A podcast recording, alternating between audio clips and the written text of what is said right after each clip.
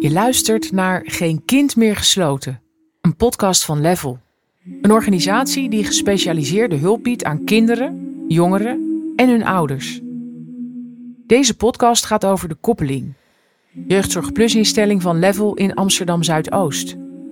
Hier werden kinderen met een door de rechter afgegeven machtiging gesloten geplaatst, zoals dat heet. In 2013 gaf de koppeling zichzelf de opdracht die geslotenheid stap voor stap op te heffen.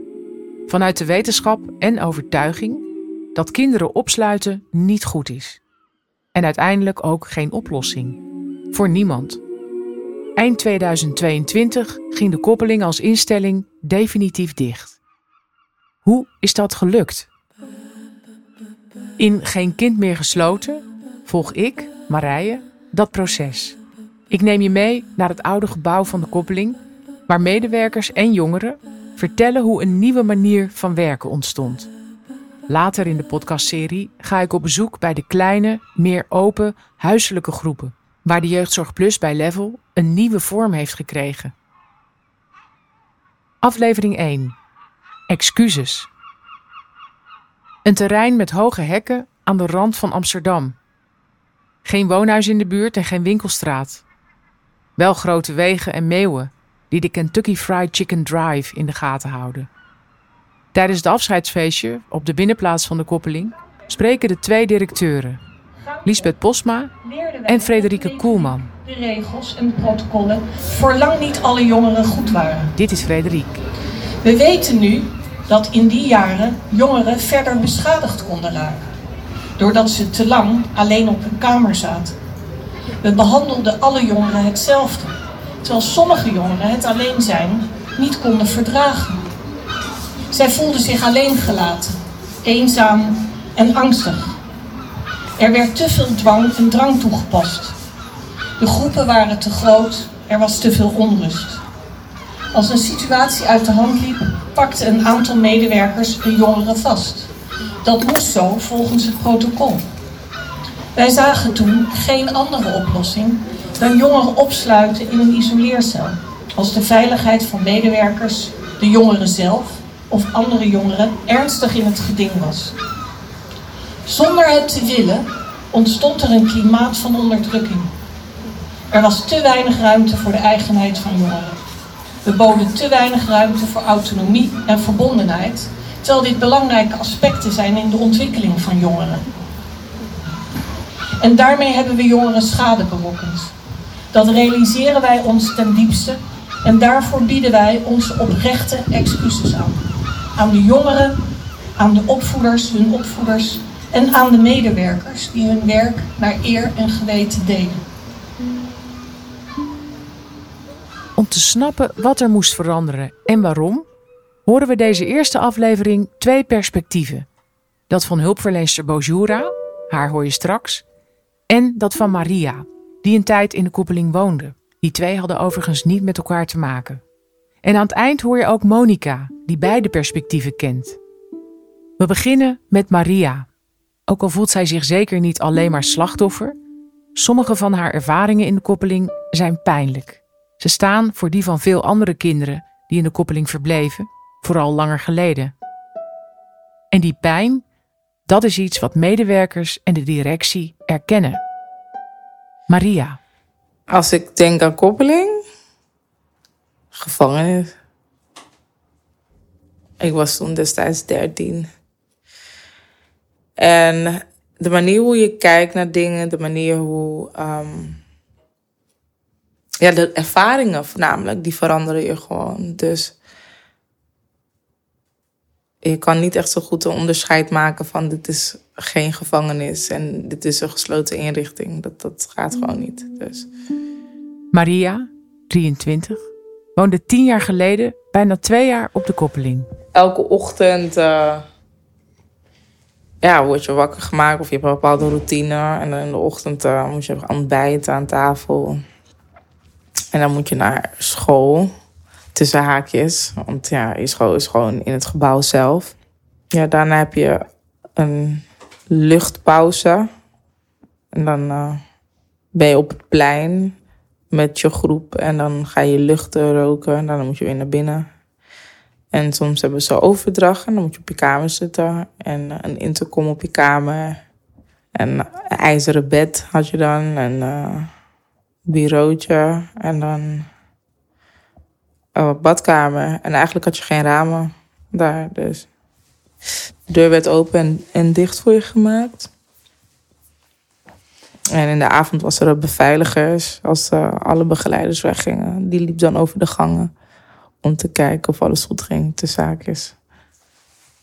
Ik denk dat dat uh, mij zeer heeft beschadigd eigenlijk.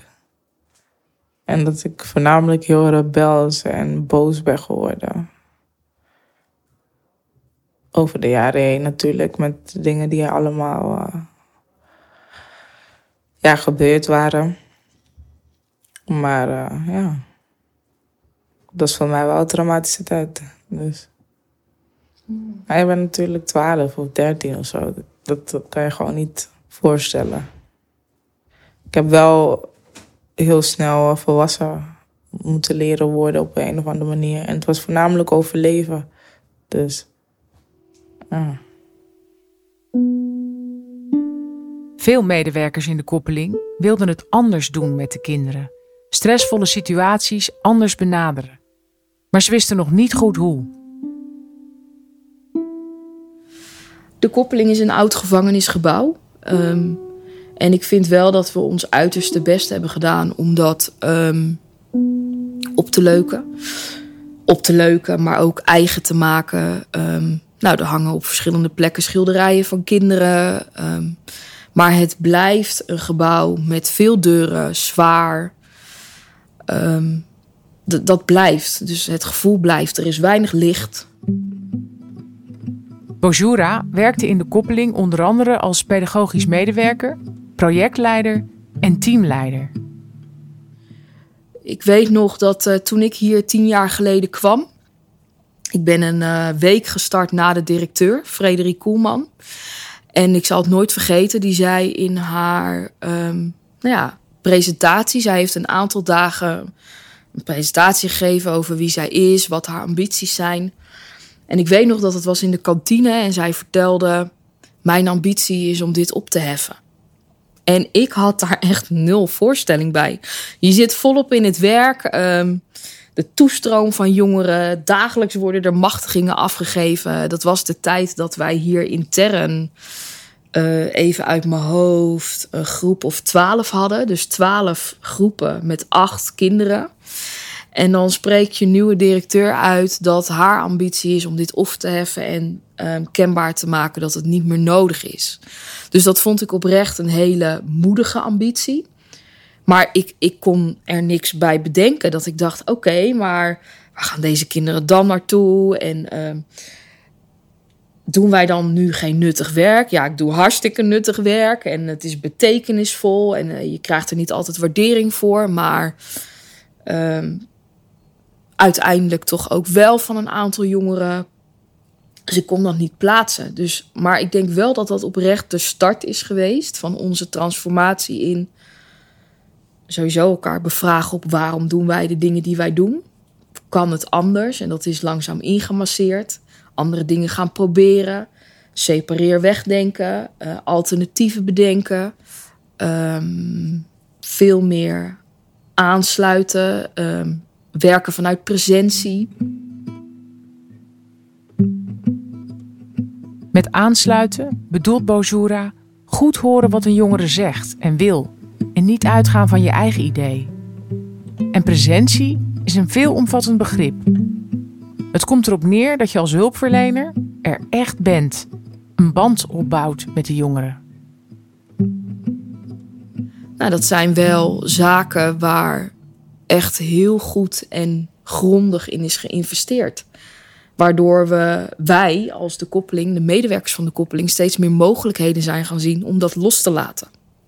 Maar dat is een proces geweest. Je moet echt alternatieven zien um, om het anders te kunnen doen. Dus je moet een ander perspectief hebben.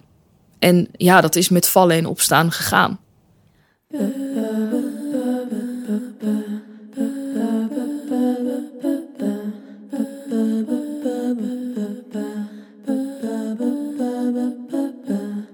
Om heel eerlijk te zijn, het is heel mooi dat het allemaal eh, is veranderd en aan, aan het veranderen is. Maar het zijn wel ernstige uh, keuzes die ze hebben genomen destijds, die voor altijd een nadruk hebben achtergelaten voor jongeren. Dus het is goed dat het nu is veranderd voor de, weet je, de generatie. Maar het feit dat er überhaupt zoiets was, dat is. Wat, wat geef je die jongeren die dat al hebben meegemaakt?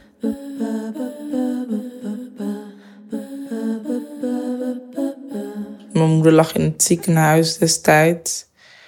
En um, ze is alleenstaand. Dus uh, ja, op dat moment was er niet echt iemand uh, die voor ons uh, kon zorgen op het moment. Dag ik naar koppeling moest gaan, werd ik opgehaald.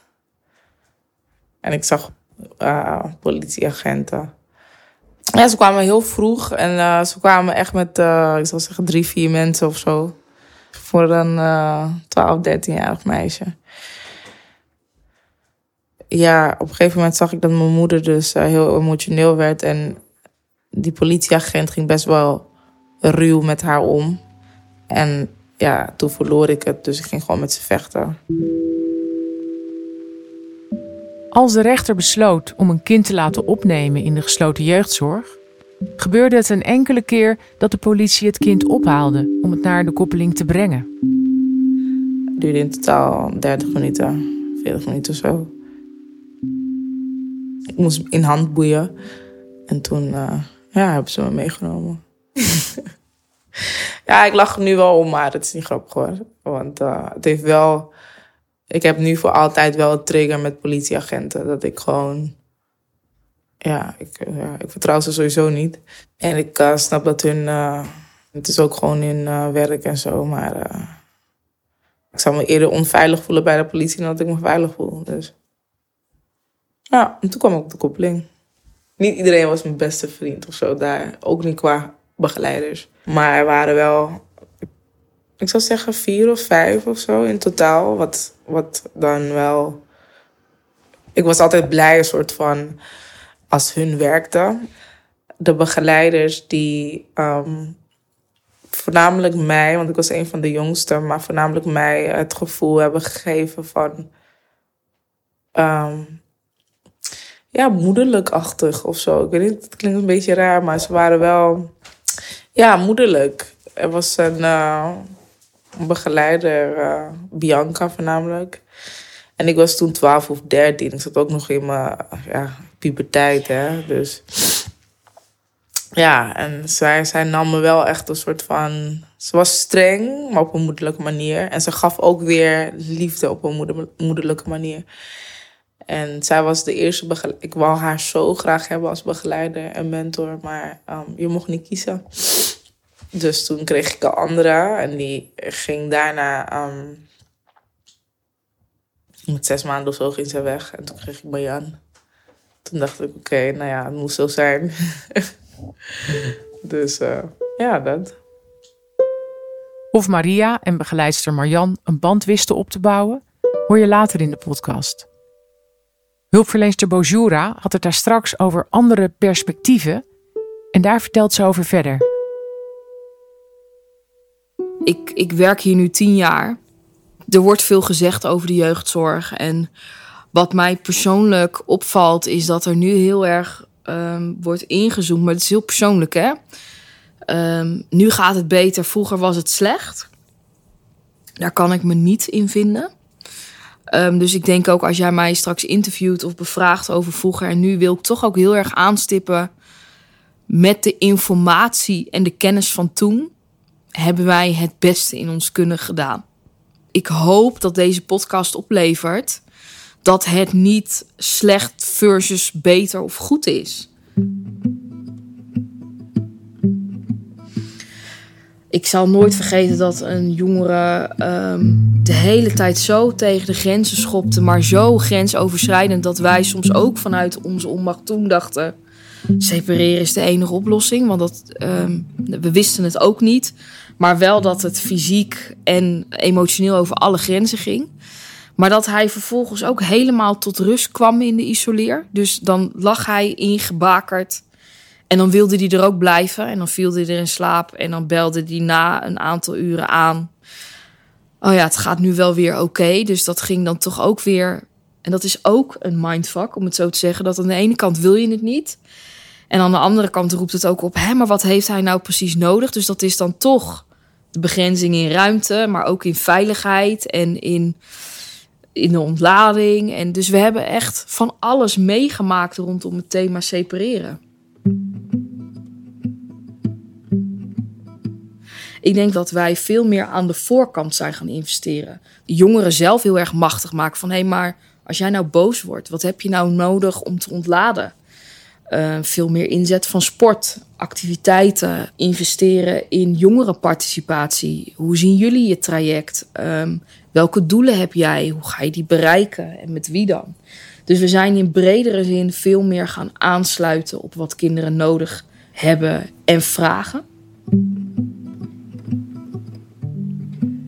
De koppeling sluit denk ik vooral omdat je uiteindelijk gelooft in dat de grootschaligheid niet de oplossing is, maar dat kleinschaligheid veel meer aansluit bij de belevingswereld. Het zijn van een gezin, wonen in een gewone wijk met normale buren, waar ook een bakker is en een slager en een bejaardentehuis. En daarin je weg binnen de maatschappij zoeken. Ik heb verschillende dingen hier gedaan, um, ook op open groepen gewerkt. Um, de koppeling transformeert nu naar kleinschalige groepen. En daarin merk je ook dat escalaties nu op een hele andere manier plaatsvinden. Dus dat gaat helemaal niet meer over mag ik naar buiten of mag ik van mijn kamer, want de deuren zijn open. Het gaat over eigen regie. Het gaat over afspraken kunnen maken. We hebben een samenwerking. Hoe blijven wij nou vanuit de relatie in contact met jongeren in goede tijden en in minder goede tijden? En dan is separeren het antwoord niet meer. Ik denk de werkers van nu. Nou ja, we hebben ook een groot verloop. Um, maar ik denk als je meer werkers zou interviewen of zou bevragen op, hey, als je nu terugkijkt naar de afgelopen tien jaar, nu zou het geen optie meer zijn. Je boort andere dingen aan. Dus je haalt andere dingen uit je toolbox, waardoor het ook in je mind geen optie is om te separeren. Waardoor we, wij als de koppeling, de medewerkers van de koppeling, steeds meer mogelijkheden zijn gaan zien om dat los te laten. Het is een proces geweest van tien jaar. Waarvan je denkt, jeetje, wat lang. En sommige processtappen zijn nog steeds niet afgemaakt. Maar we hebben wel echt... Um, nou ja, we gaan dicht, we gaan sluiten. Een nieuwe visie. Vallen en weer opstaan. Bojura stond tijdens haar werk op de groepen in de koppeling... af en toe wel eens met tranen in haar ogen. Vol twijfel over wat nou wijsheid is. Toen ze later voor een van die groepen een nieuwe pedagogisch medewerker moest aannemen, twijfelde ze niet. Luister maar naar een van de sollicitanten, Monica, die vroeger zelf in de koppeling heeft gezeten. Vroeger wou ik altijd advocaat worden. Op een gegeven moment wist ik niet meer wat ik wilde zijn. En toen kwam ik dus in een instelling. Toen dacht ik, hé, hey, dit lijkt me eigenlijk wel heel mooi om dit eigenlijk te kunnen doen met mensen. En ik denk eigenlijk dat het het beste werkt als je iemand hebt die eigenlijk ook begrijpt wat die jongeren zelf hebben meegemaakt. En daarom dacht ik van weet je, dit lijkt me wel leuk om uh, dit te gaan doen.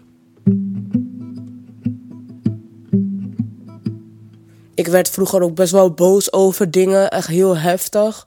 En uh, toen heb, heeft een begeleider ooit tegen mij gezegd van weet je, uh, met je gedrag, met je eigen gedrag, uh, haal je alleen maar jezelf naar beneden en zorg je er alleen maar voor dat mensen jou niet serieus nemen door al dit geschreeuw en door al de manier hoe je zeg maar opwindt.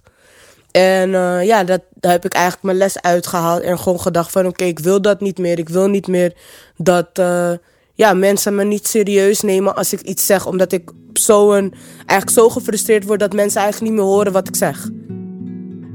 Toen ben ik dus in mijn derde jaar van mijn HBO ben ik dus uh, ja, eigenlijk gaan uh, solliciteren. Ik weet niet, ik geloof altijd een beetje dat, dat ik dit hoor te doen. Omdat ik me had aangemeld en eigenlijk was ik dus niet door de procedure gekomen. Maar ik wilde het zo graag dat ik terugbelde naar de koppeling en heb gevraagd van... Weet je, ik heb gezien dat, dat de sollicitatieprocedure voorbij is en ik heb niks van jullie gehoord.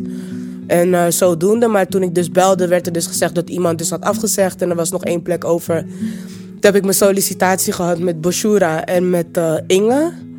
En uh, ja, hun waren eigenlijk zo verbaasd, want ik kwam daar zo positief eigenlijk binnen over de doelgroep.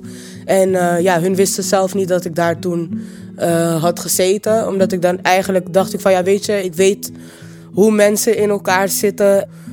En ik denk dat ik er meer op afgerekend ga worden dat ik hier heb gezeten. En dat ze dus eigenlijk vinden dat ik misschien te dicht bij de doelgroep kom. En ja, eigenlijk niet goed mezelf en mijn eigen ervaringen zeg maar, uit zou kunnen zetten om eigenlijk de, ja, eigenlijk de functie goed te bekleden. Dus dat hield ik eigenlijk voor mezelf, omdat ik gewoon wilde dat ze me zouden leren kennen voor wie ik echt ben en de kwaliteiten die ik momenteel bezit. Ze dachten echt dat ik een vertekend beeld had over de doelgroep, terwijl ik eigenlijk heel goed wist hoe de doelgroep in elkaar zat, omdat ik zelf de doelgroep was. En hun hadden echt een idee van mij, je weet niet waar je, waar je aan begint. Ze hadden gewoon zoiets van, nou, als jij zo, zo positief hierover bent, dan willen we je graag de kans geven om dat ook te laten zien. En dat heb ik ook laten zien. En uiteindelijk ben ik nu dan werkzaam bij de koppeling en uh, werk ik er onderhand een jaartje. En daar ben ik hartstikke trots op.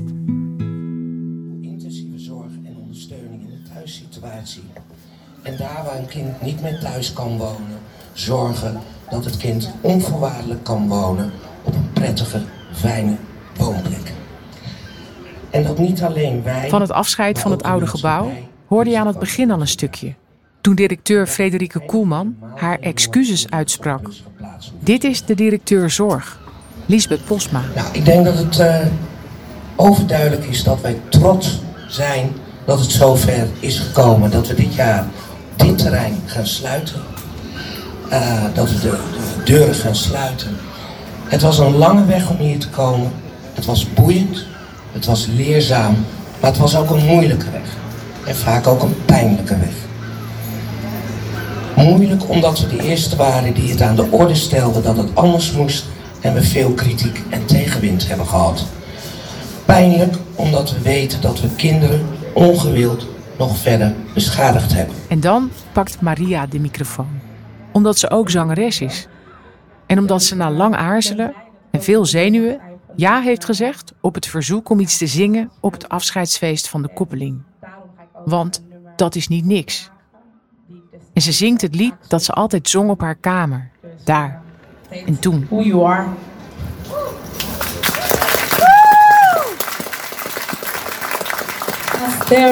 Reflection in the mirror.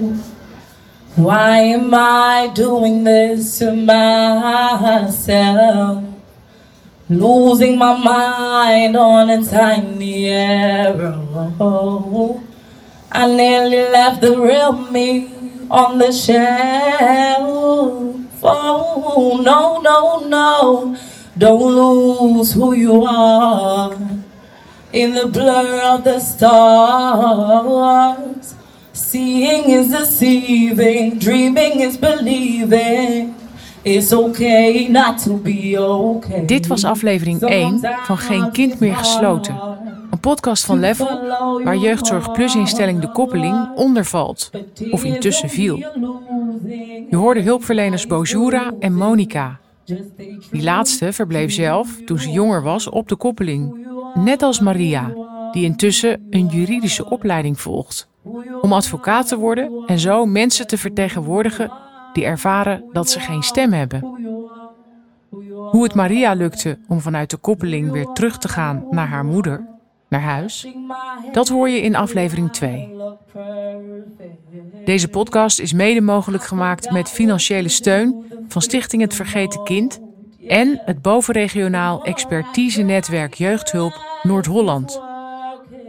Opname en montage vonden plaats in 2022.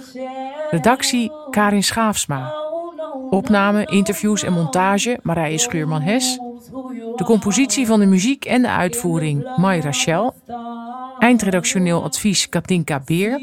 En sounddesign en eindmixage Arno Peters. De makers bedanken alle jongeren en medewerkers die hun ervaringen deelden, ook als ze niet te horen zijn in de podcast.